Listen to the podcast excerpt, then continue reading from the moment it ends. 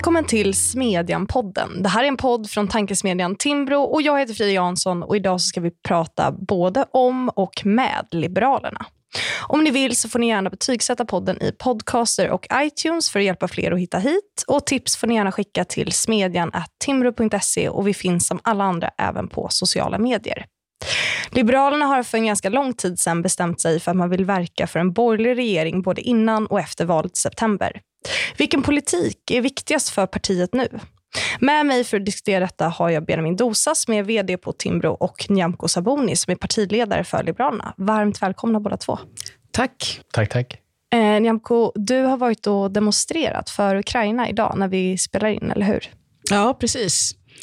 Eh, de som är lite äldre kanske minns att eh, på 90-talet, så när baltiska länder ville frigöra sig från Sovjetunionen, så påbörjade man sån här, som man kallar för måndagsrörelsen. Och det var ju Gunnar Hökmark bland annat, eh, eh Håkan Holmberg som var liberalpartist och så några till, ett par till män som eh, inledde den demonstrationen tills baltiska länderna var fria. Och nu eh, när Ryssland har anfallit eh, Ukraina så tyckte vi att det passade att återigen starta denna måndagsrörelse. Så den startade förra veckan och idag var det andra dagen, så jag var där och lyssnade på bland andra Cecilia Malmström som talade. Och så ungdomsförbundsordförandena eh, på den borgerliga sidan. Varför är det viktigt att eh, vara där och visa solidaritet med Ukraina som privatperson? Jag tror det är viktigt att förstå att den kamp som ukrainare för för sin frihet, självständighet och självbestämmande är en kamp för oss alla. Därför att eh, Putins anfall mot Ukraina, det är inte slutet, utan det är början till någonting som vi inte kan föreställa oss. Och Jag menar att vi har massor att lära på hur skört det är med demokrati. Man tror att man byggt upp den eller på bygger upp den och att det sen går av sig självt. Det gör inte det.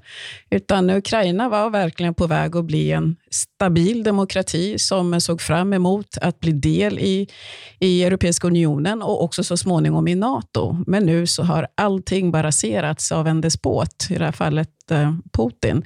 Och Det föranleder oss att tänka på att eh, frihet och demokrati och självbestämmande är någonting man alltid måste kämpa kämpa för. Nu får ju ukrainare ganska mycket kämpa för sig själv. Vi skickar ju allt stöd vi kan. Men när de inte är med i någon union så finns heller inga andra länder i Ukraina för att bistå och hjälpa. Och Det är någonting som jag menar att eh, Sverige bör akta sig för. Därför är det bra att vi är medlemmar i EU och ännu bättre den dagen vi blir eh, medlemmar i NATO. Benjamin, förutom att demonstrera så kan man ju också engagera sig som privatperson på andra sätt. Och Timbro har ju haft en stor insamling där massor av privatpersoner har kommit och lämnat kläder, sjukvårdsmateriel, olika saker som du har kört ner till Ukraina. Och Du har ju precis kommit hem. Hur var det att vara där? Nej, man märkte ju redan på färjan från Nynäshamn till Gdansk att Eh, det var mycket unga män som var ukrainare som skulle hem till Ukraina för att försvara sitt land. Vi pratade med eh, fyra stycken. Eh, tre av dem var från Ukraina och skulle först säkerställa att deras familjer var i säkerhet i västra Ukraina och sen ansluta sig till, till försvaret av landet. Ehm, så det är klart att bara där såg man ju en... Jag menar, det, jag har åkt färja till Polen tidigare och jag menar, atmosfären var liksom annorlunda och mer allvarlig allvarlig. Så det var inte lika mycket barnfamiljer som skulle på semester, trots att det är sportlov så att säga. Um, i Polen hela vägen ner märkte vi att eh, det var liksom ukrainska flaggor på statliga byggnader, vanliga bilister som hade det utanför husen. Ehm, varenda nyhetssändning handlade om Ukraina eh, och nyhetsankrarna hade liksom band med de ukrainska färgerna för att visa sympati med Ukrainas folk. Ehm, och väl vid, vid gränsen så såg man ju mycket flyktingar, kvinnor och barn som hade tagit sig över till, till Polen helt enkelt. Som satt och tittade på nyhetssändningarna och helt enkelt hoppades att det inte var deras eh, mäns hus och skyddsrum som bombades sönder. Så det, det märktes tydligt eh, och det var ett polskt folk som verkligen kände igen sig jag menar, så här har eh, Sovjetunionen betett sig mot polackerna tidigare och det är därför Polen också i så stor utsträckning, både vapenmässigt är ju det det landet i hela EU som har gått längst och vill nu skicka flyg också, stridsflyg till Ukraina, eh, men också befolkningen. Så det, det var tydligt. Det är ju viktigt det här eh, som Benjamin är inne på, enskilda personer som bidrar både med pengar och saker, kör ner det till människor i Ukraina. Men det är också lika viktigt att komma ihåg att eh, många är nu på flykt och eh, många kommer behöva andra människor i vårt land och i andra länder i EU som tar emot dem och välkomnar dem. Jag hörde ju på nyheterna i morse här att eh, Migrationsverket har inte så många boende som det sannolikt kommer att behövas. Så de är ju på jakt efter boende, att lösa boendefråga för ukrainska flyktingar. Så där hoppas jag att det finns många människor runt om i landet som har ett extra rum eller en stuga någonstans som eh, vill låna ut den till de behövande. Om man tänker utifrån ett lite större perspektiv, det politiska perspektivet. Eh, du pratade ju om NATO innan, vi har pratat lite om flyktingarna och sådär och, och skicka vapen, vilket ju Sveriges regering nu har gjort, eller eh, efter beslut av riksdagen, där alla partier röstade för, förutom Vänsterpartiet. Ehm, hur, eh, vad är liksom den viktigaste politiska åtgärden? Är det NATO som om man tänker liksom utifrån säkerhetspolitiken i stort? Eller vad, vad vill Liberalerna göra nu åt, åt situationen? För oss i Sverige? Mm, precis. Ja, nej, men det finns väl tre saker som jag ser som allra viktigaste. Eh, och det ena är ju att eh, rusta upp det svenska försvaret. Vi lät ju det förfalla och det får man inte bara skylla något speciellt block för, utan det har både borgerliga och socialistiska partier bidragit till att nedmontera svenska försvaret. Så det vi behöver göra nu är att eh, så skyndsamt som möjligt se till att eh, vi kommer upp till eh, minst 2% av BNP, att vi ger försvaret möjligheter, ekonomiska ramar för att få en försvarsförmåga ifall vi skulle hamna i liknande situation som Ukraina.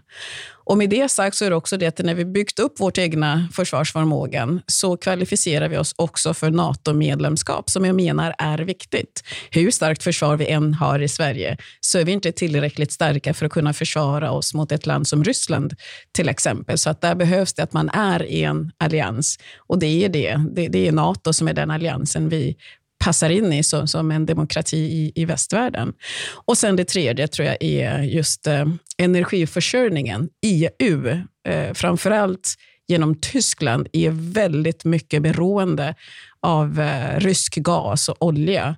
Och Det gör att det är en oro både geopolitiskt, hur eh, Putin använder sig av gasen stänga och sätta på och påverka de europeiska priserna, men också kan genom att Tyskland och andra länder är så beroende så kan vi inte heller sätta in de sanktioner som skulle kunna behövas, som skulle kännas för Ryssland. Det vill säga att de inte kan exportera gas, eh, brunkol till eh, Europa till exempel.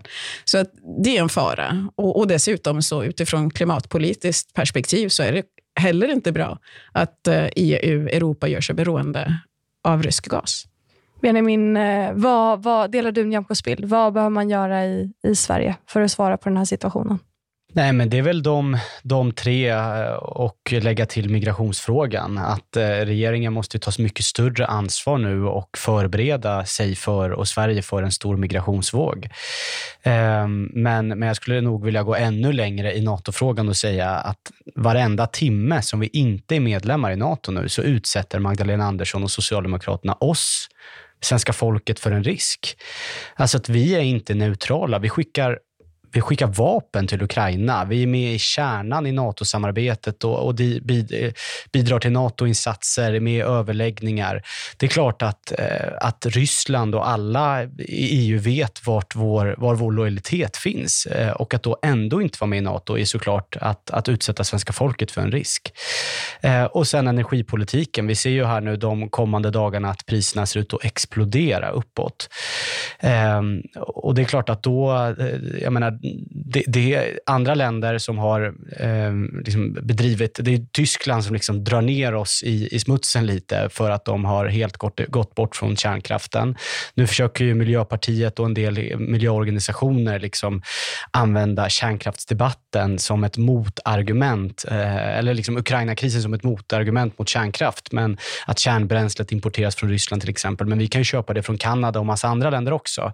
Så jag tycker att, att Liberalerna eh, Eh, är offensiva i de här frågorna, har ju haft rätt från första början. Jag tycker att det är lite, eh, i, allt, i all denna tragedi, lite kul ändå, en del eh, unga liberaler som har grävt fram gamla affischer från Folkpartiet där, där det står liksom nej till rysk gas, använd kärnkraften, för Sveriges säkerhet, gå med i Nato. Så att man visar ju tydligt att Liberalerna har ju haft rätt från första början. Precis. Det är, LUF var ju första borgerliga ungdomsbundet som ville gå med i NATO och Liberalerna har ju velat gå med i NATO sedan 1999, om jag inte kommer ihåg fel. Eh, och Precis samma sak, det finns två problem med rysk gas. Det ena är att det är ryskt, det andra är att det är gas. Alltså, på många sätt är ju det här kanske, även om det är såklart en fruktansvärd situation, så är det ju här kanske ett, ett exempel på eh, en situation som Liberalerna har sett komma ganska länge. Eller vad säger du om det, Nyamko? Absolut, det har vi gjort. Eller så här, man måste ju alltid... Man ska alltid uppskatta att man har det bra, man lever i en demokrati, man lever i frihet, men alltid vara redo för att det värsta kan inträffa. Och det tror jag är där som eh, Sverige har lite missat. Att man ska, all, man ska alltid försäkra sitt hus innan det brinner. Eh, och Nu ser vi att det brinner hos grannen och, och, och, då kan vi inte fortsätta säga att nej, men vi behöver nog inte försäkra vårt hus, det kommer nog aldrig brinna hos oss. Ja, men det brann ju tydligen hos grannen. Därför kan det också tänkas att brinna hos oss. Så att NATO-frågan är ju jätteviktig. Men jag hoppas också att hela IAU ska lite omvärdera också vad säkerhetspolitik är och vill säga nu när, när, när, vi får en säkerhetsordning som är satt på spel genom de krav som eh, Putin har lämnat in till eh, alla västerländska demokratier i princip genom Nato. Att eh, vi behöver se till att vara självständiga, både när det gäller energiförsörjning, det vill säga Tyskland kommer behöva ompröva sina ställningstaganden till hur landet ska försörja sig energimässigt. Jag tror att, att, att fatta beslut i affekt, att lägga ner fullt fungerande kärnkraft bara för att det var en tsunami någonstans där ett kärnkraftverk var placerat. Så kan man inte heller jobba långsiktigt politiskt. Alla kraftslag har sina risker. Jag tänker att vi går vidare till eh, nästa punkt på då det här temat som är Liberalerna har alltid haft rätt, eh, vilket ju är skolfrågan. Eh, där man eh, ser ungefär samma sak där. Att det som var Liberalernas utbildningspolitik för några år sedan, som var extremt utskälld av bland annat Socialdemokraterna, och Vänsterpartiet och Miljöpartiet, det har numera blivit liksom status quo ungefär. Eh, alla tycker att det är bra med ordning och reda och tydliga krav, utökat föräldraansvar, alltså den typen av, av frågor. Eh, vad skulle du beskriva, Nyamko, som den viktigaste åtgärden i, i skolan just nu? Är det ett vinstförbud på det sättet som vänstersidan vill göra gällande? Men först och främst så behöver vi ha en skola där alla elever alltså alla elever ges förutsättningar att lämna skolan med, med behörighet. Rakt igenom, från förskola till skola ända upp till universitet och, och forskning. Alla måste få en chans att eh, få prestera sitt eh, bästa. Sen tror jag att Liberalerna har vunnit debatten. Det vill säga, vi har en, skiftat från det här, allt är tillåtet i skolan och mycket stor elevdemokrati som till slut ställde lärarna på ändan och inte är naturlig auktoritet till att faktiskt tycka att det är studiero, ordning och reda, trygghet som, som bör gälla i den svenska skolan.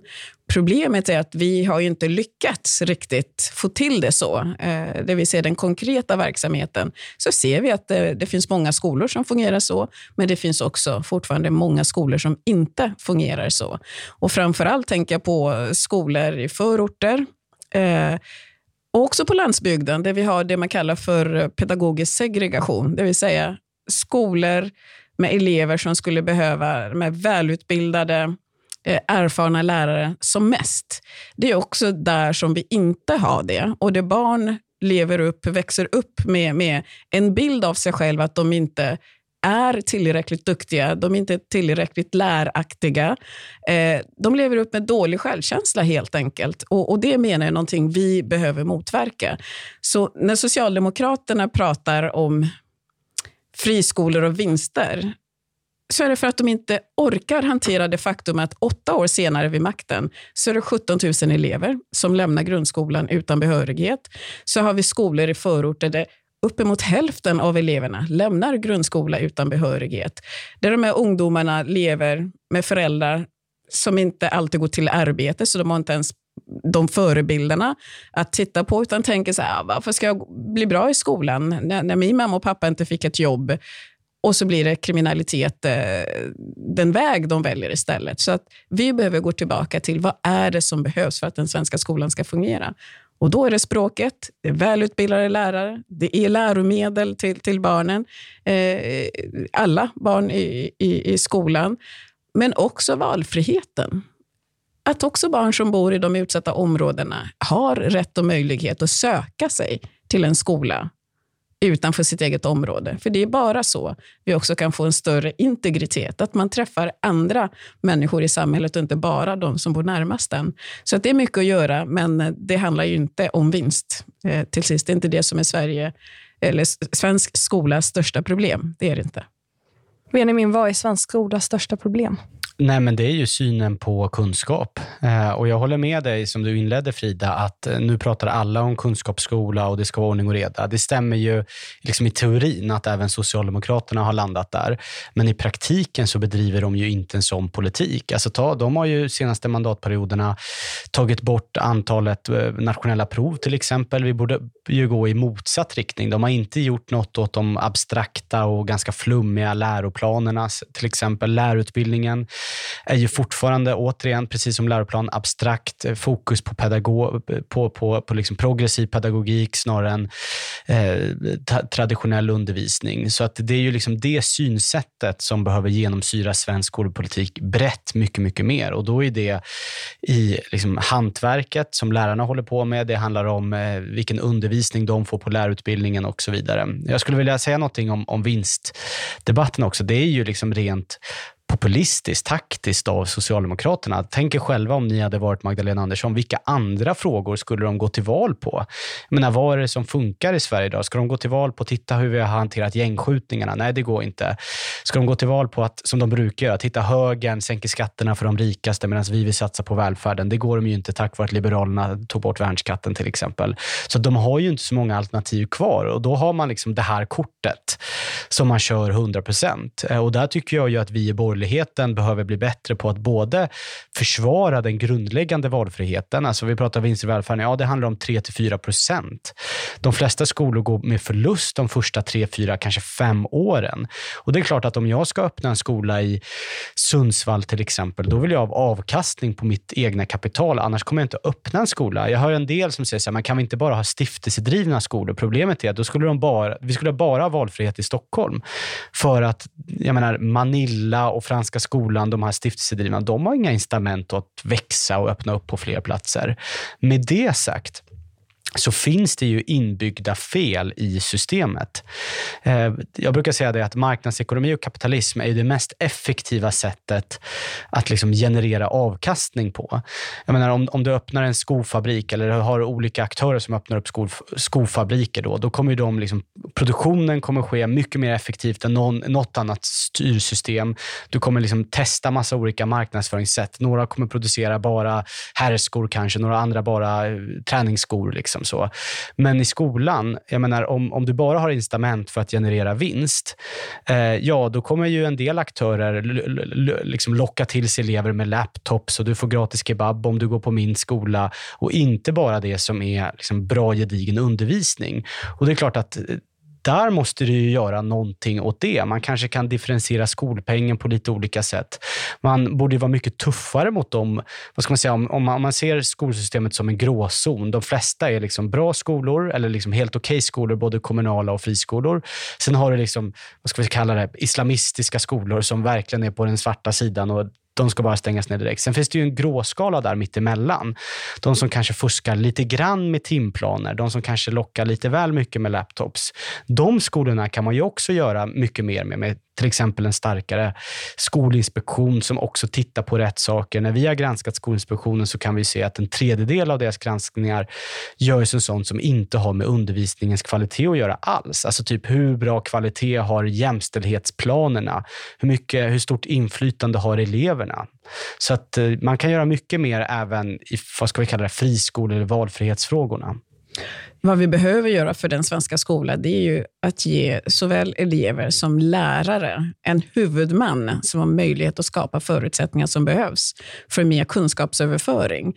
Eh, och därför så vill vi förstatliga de kommunala skolorna. Jag kan ju se nu efter en mandatperiod med, med Socialdemokraterna så finns det inte en enda skolreform som är signerad socialdemokratin, utan de få som har gjorts är signerade Liberalerna utifrån januari-samarbetet. Och mycket behöver göras för att uppnå det vi säger, kallar likvärdighet. Det vill säga just skolpengen. Jag, ser, jag turnerar ju runt i landet just nu till olika skolor och inser att de skolor som behöver kanske mest pengar utifrån att med de pengarna kan man attrahera de bästa lärarna och så vidare. De har ju under rikssnittet i skolpeng. De borde ha översnittet, men de har under rikssnittet. Och det här beror ju på att det är kommunerna som har ansvar för detta. Så ju rikare kommuner, desto mer pengar till skolan. Men de flesta kommuner är ju inte så jätterika. Och därför så skulle vi behöva förstatliga den kommunala skolan så att skolpengen utgår ifrån behov snarare än var någonstans i landet man bor.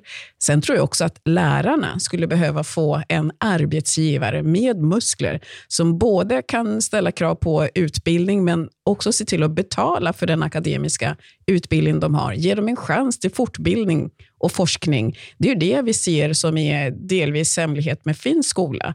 Det är ju många lärare i Finland som är disputerade, som forskar eh, och fördjupar sina kunskaper under tiden som de också eh, är lärare. Så att vi behöver studier och ordning och reda, men, också att eh, huvudmannaskap förs över till staten.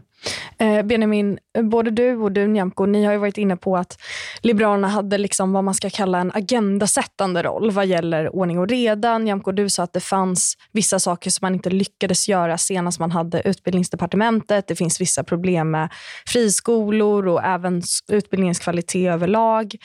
Vad är det som man ska göra nu som man inte gjorde ja, 2006 2014? Men jag tror att med 30 år i nacken nu med friskolorna så är det just att ta tag i de avarterna som Benjamin beskrev. Eh, det vill säga alla de här skolorna som fungerar någorlunda bra, men det vi aldrig idag kan säkra att de betyg som barnen får också motsvarar barnens kompetens, alltså kunskap. Så vi måste se till att eh, proven till exempel rättas eh, externt på nationell nivå så att betygen inte eh, särskiljer sig speciellt mycket från det man presterar där. Eh, och vi måste se till att eh, skolan delvis förstatligas för att också ge den kommunala skolan lika chans till konkurrens som de eh, friskolorna som kommunerna idag måste konkurrera med. Ett gemensamt skolvalssystem tror jag skulle vara viktigt, för idag väljer ju de som är välinformerade, snabba, eh, knapparna med datorn att anmäla sina barn, medan många andra som kanske skulle behöva göra de här valen inte riktigt har information och förmågan att göra det. Så ett gemensamt skolvalssystem skulle också vara ett sätt att förbättra likvärdighet mellan friskolor och eh, de offentliga skolorna som då staten, menar jag, ska ha ansvar för. Eh, så det finns en hel del att göra vid maktskifte. Och då ska jag säga med allianstiden så var det inte det att vi inte fick stöd för att genomföra liberal skolpolitik, utan tiden räckte inte bara till. Vi gjorde väldigt mycket. Men vi behöver göra mer nu igen. Det börjar bli dags igen att göra mer. Och Speciellt när det gäller friskolan och de avarterna som vi nu ser 30 år senare. Eh, de flesta av de här förslagen som du tog upp finns ju i Liberalernas skolpolitiska del i Förortslyftet, som ju är Liberalernas stora integrationspolitiska program som man går till val på. Eh, Moderaterna har ju också ett integrationspolitiskt program och det finns ju också även andra partier som eh, pratar om integration och så. Vad är det som gör Liberalernas integrationspolitiska program är bäst, eller vad man ska säga? Liberalernas förortslyft är ju mer brett än något annat partis. Och, och, det är kanske inte konstigt. Vi har ju jobbat med de här frågorna sedan tidigt 2000-tal på bredden, eh, till skillnad mot många andra. Fler har ju insett att integration väldigt mycket handlar om tillgång till arbete, och det stämmer ju så.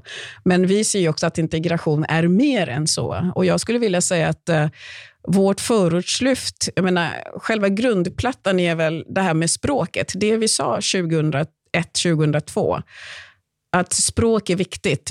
Språkkrav för medborgarskap. Det var en viktig symbol för hur man bygger upp integration. Redan från förskola så behöver barnen tillgång till förskola, tillgång till svenskan. Många av de barnen som idag inte klarar skolan, så beror det på språkbrister. De får inte med sig språket hemifrån. De får det inte heller i förskola, för i en del förskolor där man går så behärskar inte pedagogerna svenskan. Så där är det jätteviktigt. Svenskan är viktig för de äldre för att de ska kunna komma i arbete. Sverige upplever jag är definitivt inte rasistiskt land, men Sverige och svenskar har heller inte tålamod med den som inte kan uttrycka sig väl på svenska. Jag märker i många andra länder, försöker du prata franska så blir de jätteglada. Försöker du uttrycka det på engelska, knagglig engelska, så är de lyhörda och försöker förstå. I Sverige så vi, inte, vi, vi har inget tålamod, utan kan du inte bra svenska så hamnar du direkt längst ner i kö liksom bunt av alla som söker ett specifikt jobb. Och Därför behöver vi göra mycket med det svenska språket. Det är det som är grundbulten i förortslyftet. Sen ser vi att mycket måste samverka samtidigt. Det är arbete, det är utbildning, det är trygghetsfrågor, boendefrågor, demokrati, jämställdhet. Allt detta måste göras samtidigt. Och Jag tror att man bara kan följa upp att man lyckas med integrationen genom, ha, genom att ha ett mål som man följer upp varje år i, i, i budgetpropositionen. Så precis som vi följer upp finanserna eh, och jämställdhet och många andra aspekter så måste vi följa upp integration. Har vi lyckats eller har vi inte lyckats? Och var någonstans misslyckas vi? För Sverige satsar väldigt mycket pengar på integrationsåtgärder. Men vi har inga förväntningar på människor, vi har inga krav och vi informerar inte om vad man behöver ha med sig för att klara sin integration i Sverige. Och Det är där som jag tror diskrepansen uppstår. Vad är det för konkret mål man ska ha för integrationspolitiken? Om man tar till exempel försvarspolitiken så är det ganska tydligt. Där jobbar man ju med 2% och så där av BNP. Eh, vad är det för mål man ska ha för integrationspolitiken? Vi har tittat på ett mål, till exempel, vi jämför oss med Tyskland som tar emot ungefär lika många som oss då, när det gäller migration, så ser vi att eh, när vi tittar på vuxna utrikesfödda så har vi ungefär en halv miljon i Sverige. Vuxna utrikesfödda som lever med risk för fattigdom. Det vill säga, de, kan inte, de har ingen egen försörjning, utan det, det är mycket bidrag och några enstaka arbetstimmar här och där. Det är 7 procent av den arbetsföra befolkningen i Sverige. Jämför vi med Tyskland så ligger de, om man mäter på samma sätt, 4 procent. Och då måste man ju ställa sig frågan, vad är det de gör som vi inte gör? Och jag tror en del handlar just om eh, arbetslinjen, enkla jobb, eh, bidragstak, eh, förväntningar, utbildningssystem där man får in människor, yrkesutbildningar och så vidare. Det är sånt vi behöver bli bättre på. Så att ett sånt mål till exempel, hur vuxna utrikesfödda klarar sig i Sverige ekonomiskt. Och Då kan vi inte räkna med att man har jobbat några timmar, någon månad och så, så, blir, så säger man att de är sysselsatta. Utan vilka försörjer sig? Hur många försörjer sig? tror jag är det mått vi skulle kunna mäta integration på. Sen kan man också titta på eh, utbildningssystem, barn, eh, med invandrarbakgrund, hur de klarar sig i skolan. Men, men, men just när det gäller budgeten så tror jag vi tittar på hur många är det som får vara med att eh, tillföra tillhöra. Eh, och, och, Det skulle vara ett bra mått för integrationen, för att också skapa de här positiva förebilder för eh, barnen i sin tur.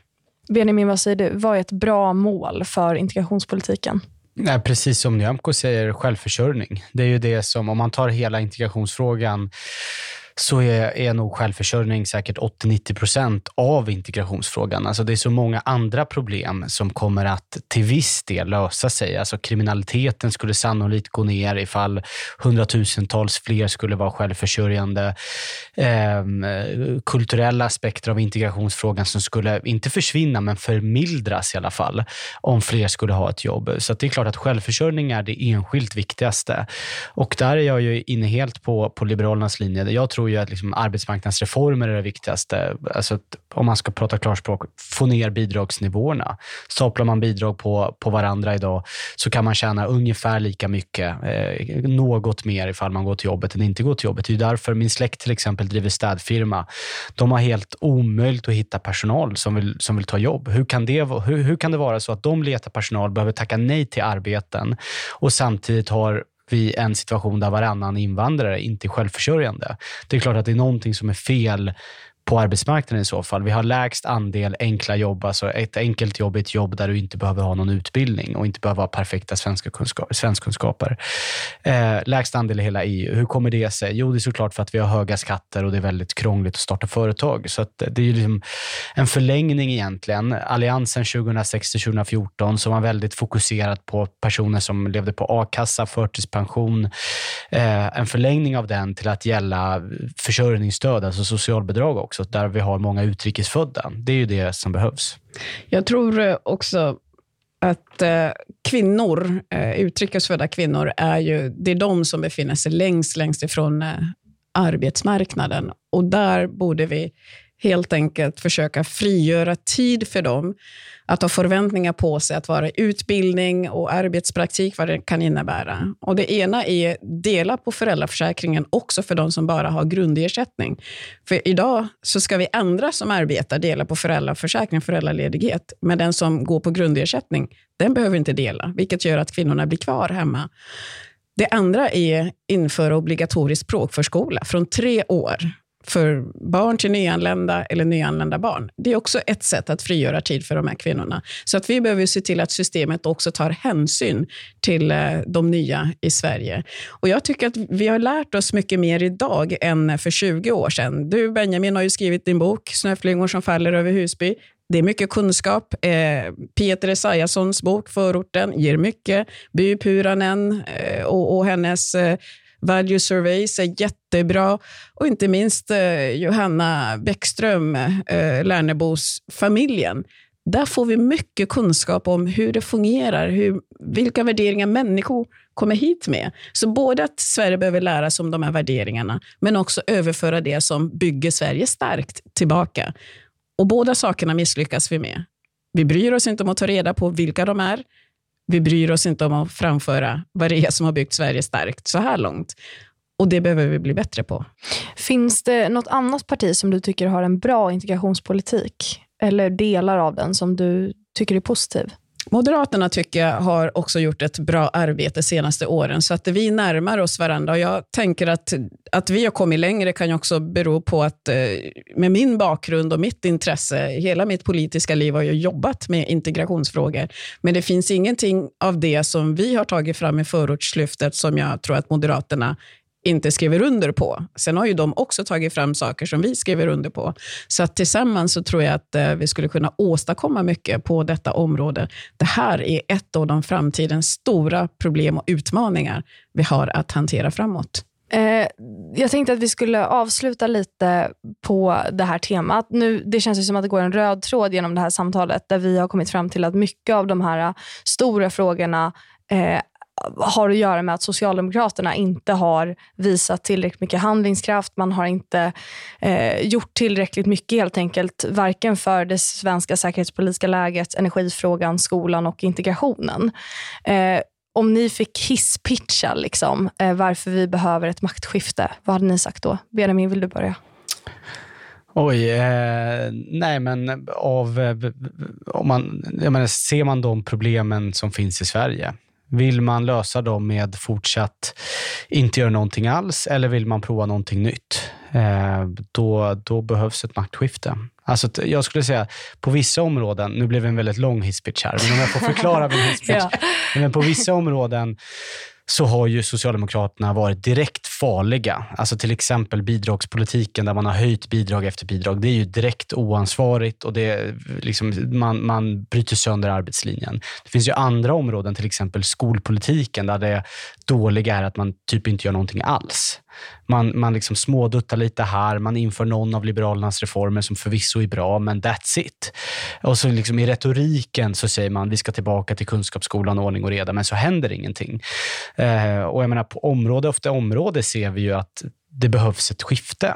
Jag menar, jag hoppas ju att, eh, eh, att, att man vågar också när man väl tar över makten och Nyamko blir minister, att man vågar köra lite också. Alltså att Socialdemokraterna kan inte ha veto på att vi inte ska gå med i NATO till exempel. Att man vågar ta i de här frågorna och inte, inte allt behöver inte vara blocköverskridande. Vad säger du Nyamko? Vill man fokusera på att lösa Sveriges samhällsproblem, då bör man ju välja det block som vill samarbeta med varandra och har svar på lösningar på problemen. Idag har vi ett block som tvingas samarbeta, som inte har en gemensam vision vad de vill. Men de tvingas, de måste samarbeta för att hålla vissa andra partier borta. Och Det gör att tiden läggs på att försöka komma på någonting de ska göra tillsammans som ingen av dem tror på, snarare än att eh, fokusera på de riktiga samhällsproblemen. Så att enda sättet att lösa dem det är maktskifte och det är att se till att eh, de borgerliga partierna kommer till makten. Och Liberalerna är ju det parti som idag är garanten för ett maktskifte. Utan Liberalerna, ingen liberal borgerlig regering. Och därmed så ett fortsatt eh, socialdemokratiskt maktinnehav. Och det tror jag inte Sverige behöver ytterligare fyra år. Tack så jättemycket för att ni kom hit, Benjamin Dosa och Nyamko Sabuni. Tack. Tack. Och vi hörs nästa vecka som vanligt och fram tills dess så hittar ni oss på smedjan.se.